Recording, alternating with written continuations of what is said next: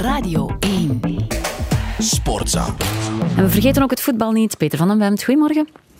Memorabele klassieker gisteren op Skles, hè, waar Standaard tegen Anderlecht opstond uit de doden na de rust.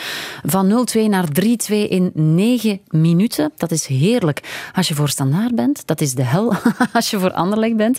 Maar de hel brandt dus blijkbaar weer in Luik. Uh, ja, zeer zeker. Net als twee weken geleden tegen Club Brugge heeft dat uh, publiek uh, zeker zijn rol gespeeld in die remonte van Standaard. En die heropstanding is toch heel straf. Hè, want bij de rust lagen de Roesjes toch knock-out tegen het canvas. En wat het vreemde was, ja, Standaard speelde eigenlijk best wel een goede eerste helft aan de bal dan toch.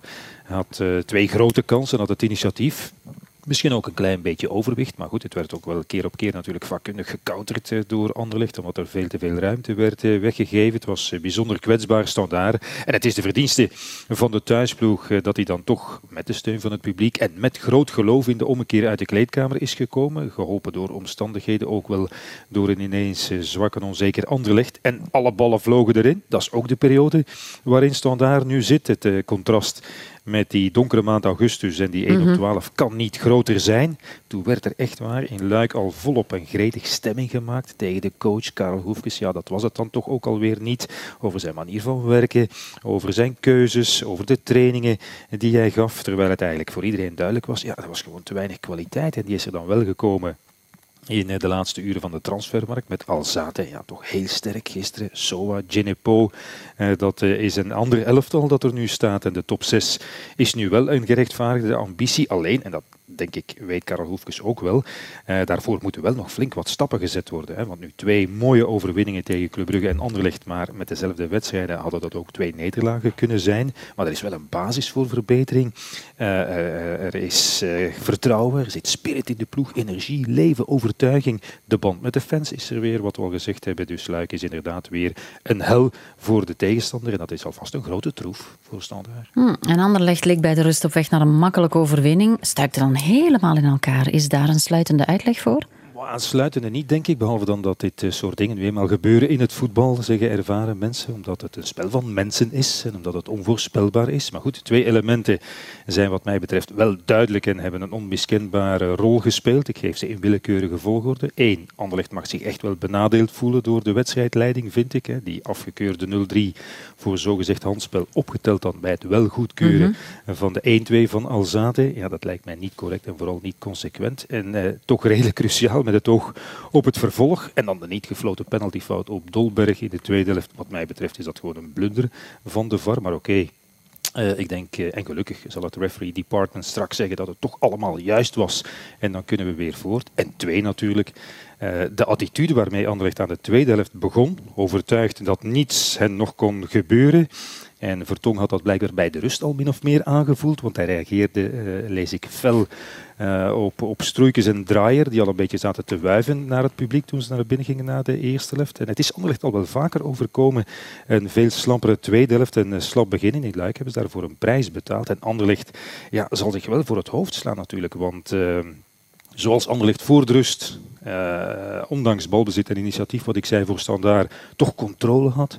En de manier waarop het voetbalde, ja, dat was gewoon heel, heel goed. Zo zuiver, zo snel, verticaal. Azar, die al tegenwoordig was, heel knap uitgespeelde aanvallen, kans of vijf mhm. afgedwongen in één helft in Luik. Indrukwekkend spelletje balbezit, net voor de rust, eh, klinisch voor doel. Dat was van het allerbeste van Anderlecht. En een gouden zaak in het klassement lag ook voor het te grijpen. En dat maakt het vervolg natuurlijk des te pijnlijker. Want ja, laten we niet vergeten, na die drie Luikse goals was er nog wel een half uur om te reageren. En dat is er ook niet van gekomen. Ineens was Anderlecht weer uh, slordig en traag. Geen oplossing voor die andere wedstrijdsituatie. Dus nee, ik denk toch een dreun die kan tellen. Mhm. Eh, en om Anderlecht nu echt een titelkandidaat te noemen, daar zou ik dan toch nog even mee wachten na gisteren. Zullen we doen. In Brugge is nu ook officieel. Het is crisis bij club na een nederlaag bij de laatste in het klassement. KV Kortrijk. Staat de coach Deila daar al onder druk? Ja, uiteraard. En dat kan ook moeilijk anders natuurlijk. Hè. Als je met, met deze kern, die wat mij betreft toch nog altijd, en wellicht dan met die van, uh, van Racing Genk, de sterkste, de ruimste uh, in de hoogste klasse is, als je daarmee pas zevende staat, 16 punten uit 11 matchen, de slechtste start blijkbaar in 40 jaar, dan ben je bepaald slecht bezig. Uh, ook als trainer, die daar dan toch verantwoordelijk voor is. En tot voor kort werd er blijkbaar binnen de club toch nog altijd een beetje meewarig gedaan over de kritiek van buitenaf op de ploeg, op het spel, op het verdedigende compartimenten, want zij wisten beter, gesterkt door de statistieken, die blijkbaar allemaal zeer goed waren, behalve dan de enige statistieken die echt belang hebben, namelijk doelpunten voor en tegen en punten, want dat was gewoon slecht. En je kan natuurlijk wel blijven zeggen dat je had kunnen of misschien zelfs moeten winnen. En dat is waar, ook in Kortrijk had dat zeker gekund. Uh, maar als het elke keer niet gebeurt, is er toch een probleem. Dat hebben we al vaker gezegd. En, uh, en wat mij betreft is het, uh, zoals ik het inschat, geen gebrek aan, aan goede wil.